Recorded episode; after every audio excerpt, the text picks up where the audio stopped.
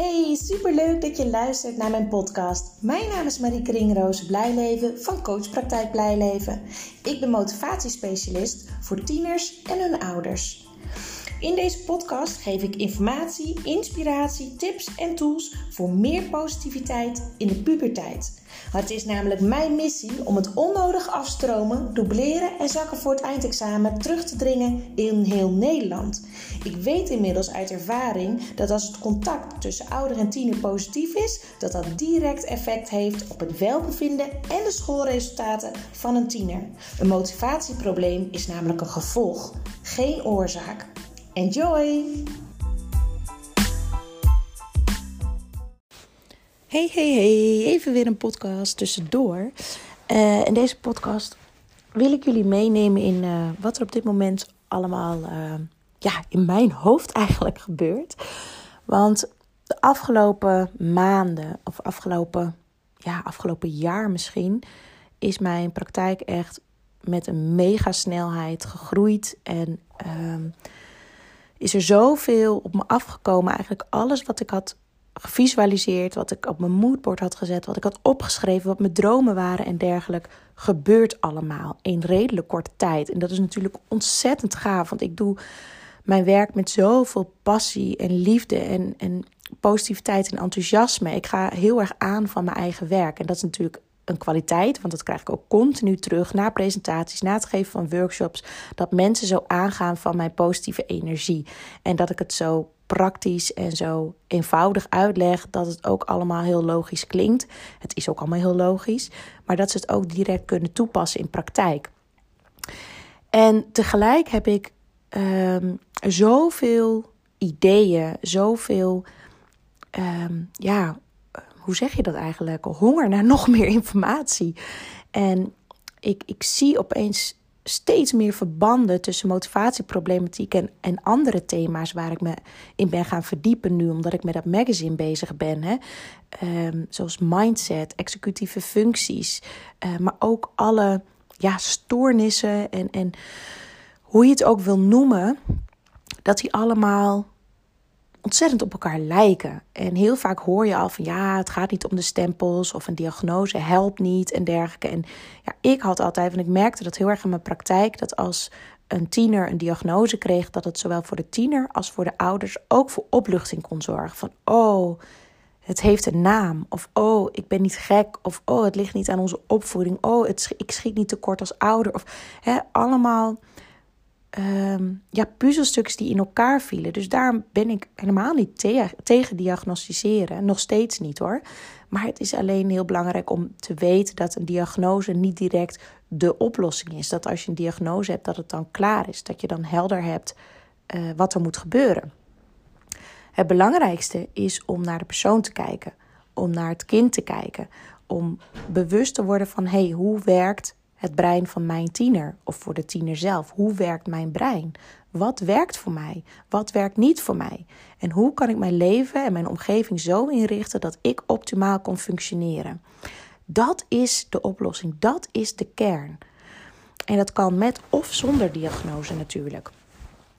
En al die losse uh, thema's, die komen opeens allemaal zo mooi bij elkaar nu ik met dat magazine bezig ben. En ook daar voel ik weer zo'n ja, zo'n vibe door, zeg maar. Zo'n zo'n enthousiasme. Dat echt van die aha-momenten. Dat ik denk: wow, dit moet iedereen weten. Dit, dit, dit is mijn taak hier op aarde. Deze, deze verbanden zien, deze verbanden leggen, deze informatie bundelen en, en praktisch toepasbaar maken voor ouders, voor tieners, voor scholen, voor docenten, mentoren. En dan, ik wil dat dan eigenlijk allemaal het liefst gisteren al hebben gedaan.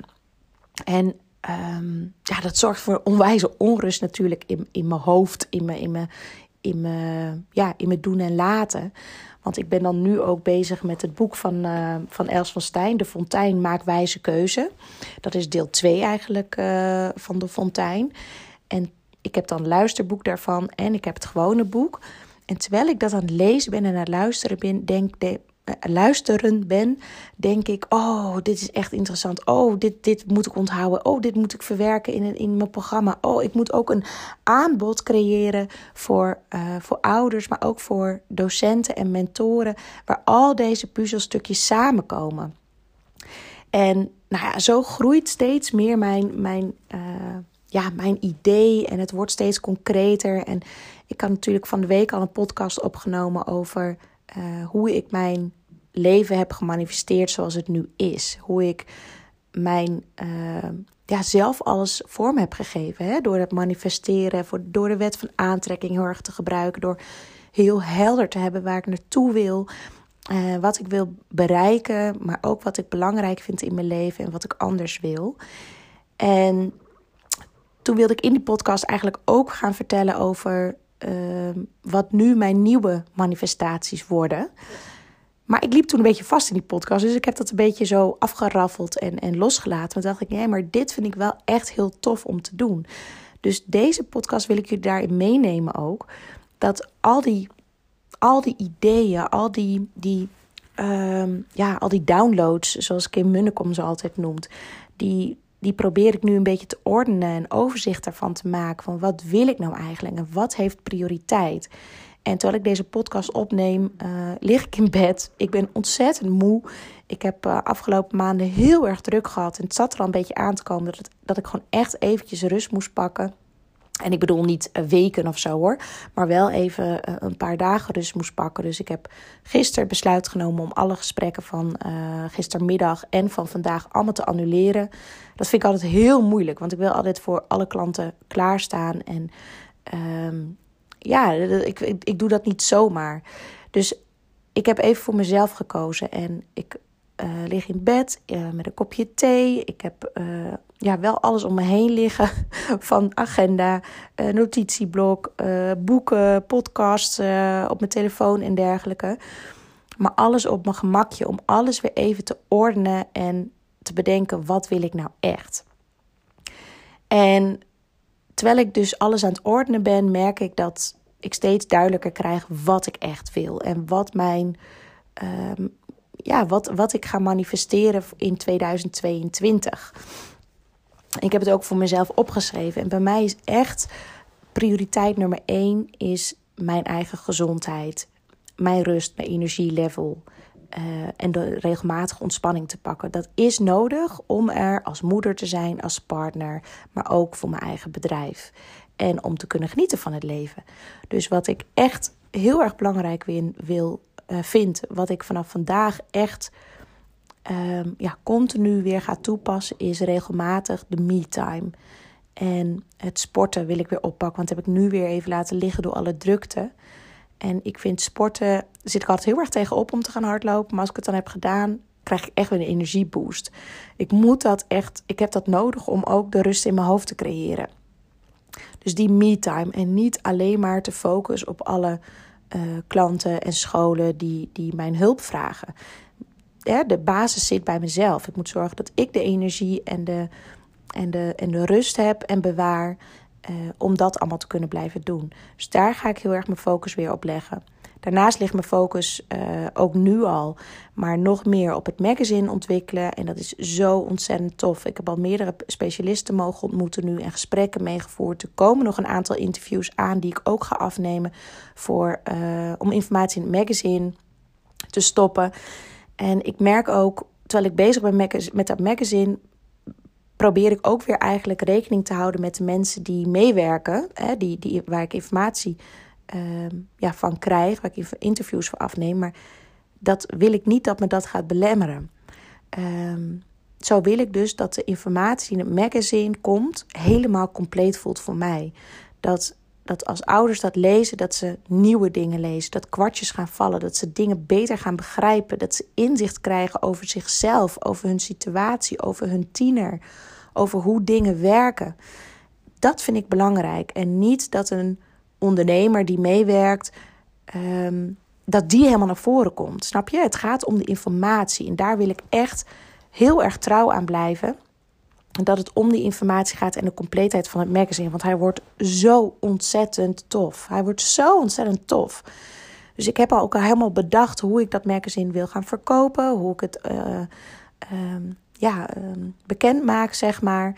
En wat ik ontzettend graag wil en wat ik ook echt ga manifesteren, is dat ik een congres ga organiseren uh, voor scholen, voor ouders, waarin de sprekers, of waarin de mensen die meewerken aan het magazine ook de sprekers zijn op het congres.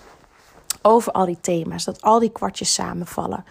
En van dat alles samen ga ik ook weer een programma maken en aanbieden. Dus het is allemaal um, nieuw voor, voor, voor jullie, zeg maar. Maar voor mij zijn het eigenlijk alle puzzelstukjes die nu eindelijk in elkaar vallen. Alles wat met motivatieproblematiek te maken heeft. Want motivatieproblematiek is zoveel meer en zoveel dieper dan dat er continu gedacht wordt. En dat wist ik al. En ook door de gesprekken die ik heb in mijn praktijk, maar ook door de workshops en dergelijke. En dit, dit mag echt de wereld ingeslingerd worden. En ik ga daarbij niet op de rem staan.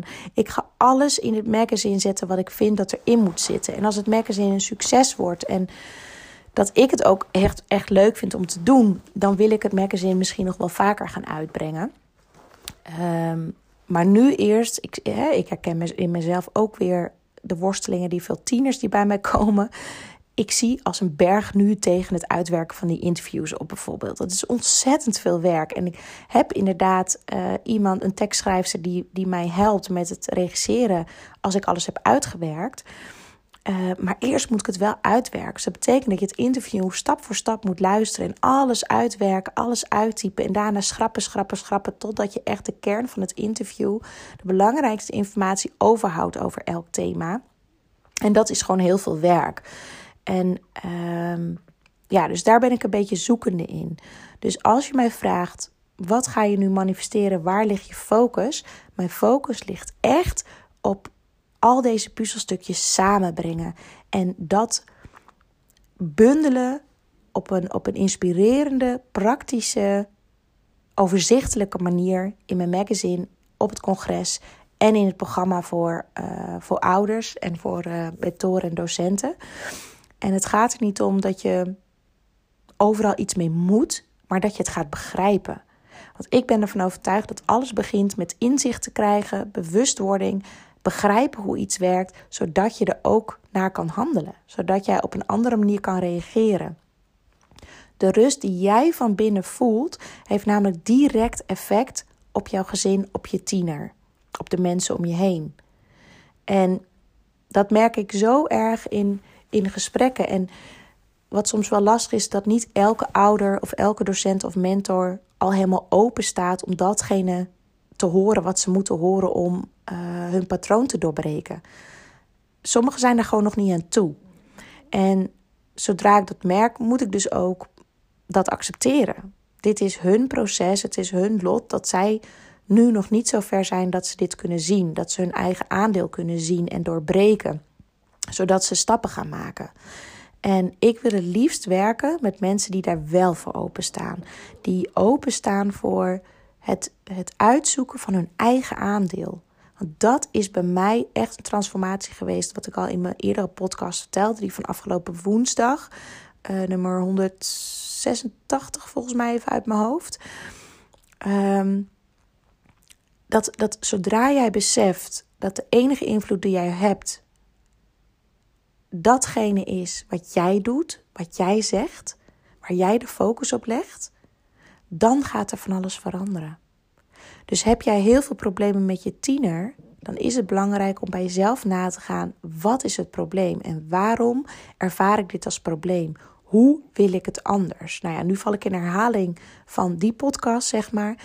Maar dat is wel het type klant die bij mij past die nieuwsgierig is naar wat gaat hier nou mis en wat kan ik in godsnaam anders doen om uiteindelijk de rust meer terug te krijgen, de band met mijn kind beter te laten worden, um, mijn kind aan het werk te krijgen voor school of whatever. Dat is de key en dat is ook waar ik mijn focus op leg met mijn praktijk, met mijn magazine, met het congres, met het programma. Om al die puzzelstukjes samen te brengen. En ik heb het natuurlijk nu ook over het magazine. En voor het magazine heb ik ook nog een, ben ik ook nog op zoek naar een aantal uh, ouders en tieners die mij willen helpen voor het magazine.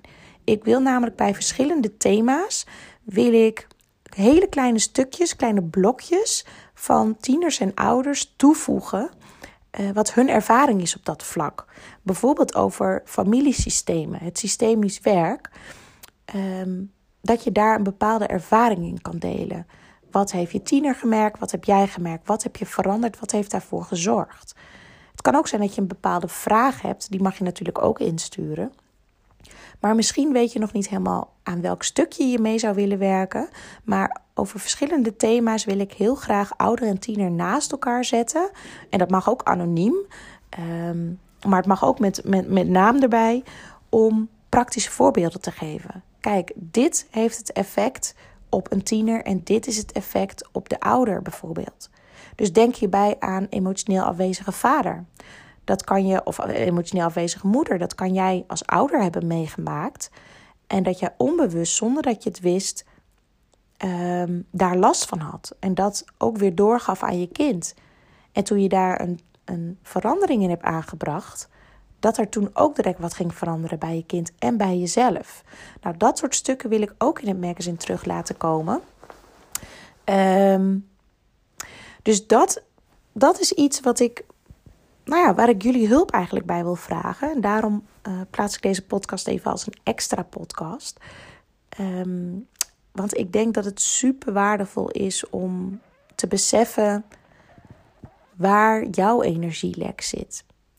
Waar gaat het bij jou mis? En bij mij ging het, nou ja, mis. Weet je, het is maar net wat je misgaan noemt. Maar ik lig nu op bed en ben helemaal uitgeput omdat ik zoveel dingen tof vind, zoveel leuk vind. Ik wil alles, alles, alles begrijpen. Ik wil al die puzzelstukjes bij elkaar voegen tot de puzzel compleet is, zodat ik dat kan overdragen aan, aan jullie, aan alle ouders, aan docenten, aan mentoren, aan scholen.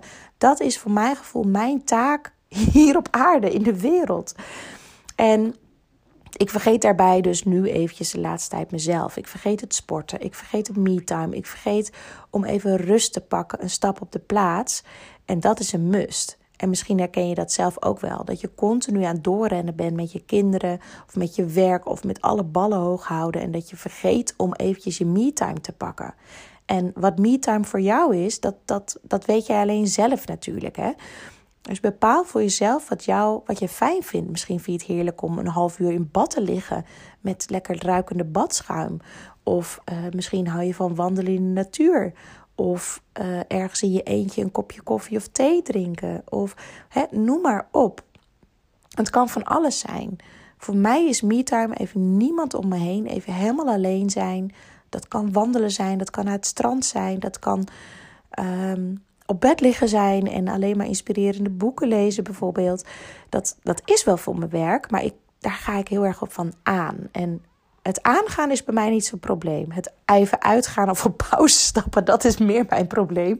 Of nou, geen probleem, maar dat is wel iets waar ik mijn aandacht af en toe iets meer uh, op mag leggen. Um, ja, dat eigenlijk. Ik heb geen idee of jullie hier ook iets uithalen, of jullie hier iets aan hebben, of je dingen ervan herkent.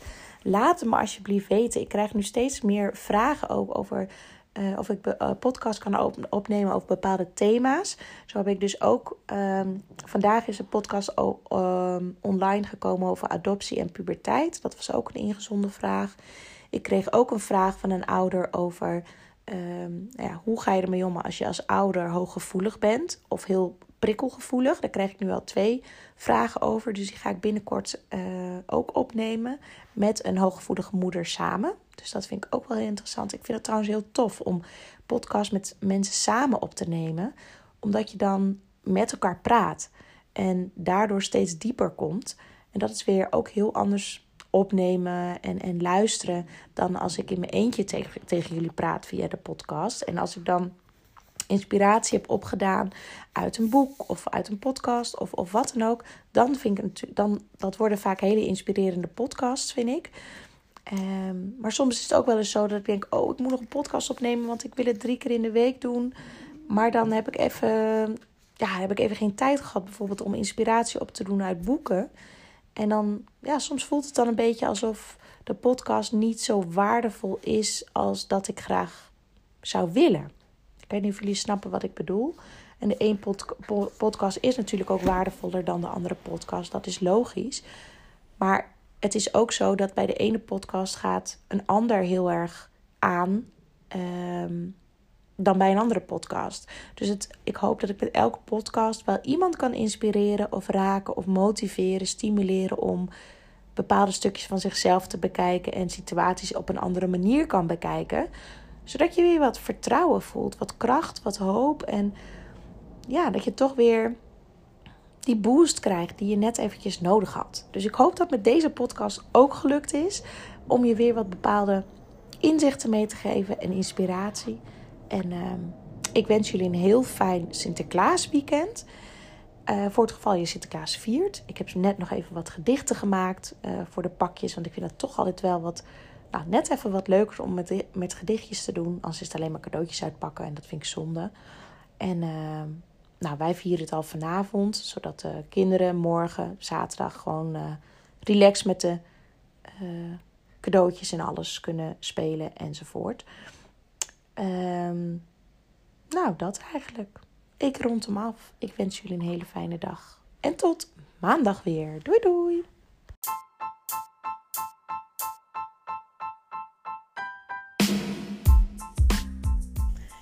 Dit was weer de aflevering van deze podcast. Ik hoop dat je het leuk hebt gevonden, dat je er veel informatie, tips en inspiratie uit hebt kunnen halen. Ik ben ontzettend benieuwd wat jij van deze podcast vond en wat je eruit hebt gehaald. Want ik neem ze op, maar ik wil heel graag weten hoe het is voor jou als luisteraar om dit allemaal te horen. Wil je mij dat laten weten via een persoonlijk berichtje? Dan vind ik dat hartstikke leuk. Wil je andere ouders motiveren, stimuleren? En inspireren met deze podcast, deel het dan op social media. En wil je mij contacten? Dat kan via www.coachpraktijkblijleven.nl. En wie weet spreken we elkaar snel. Fijne dag!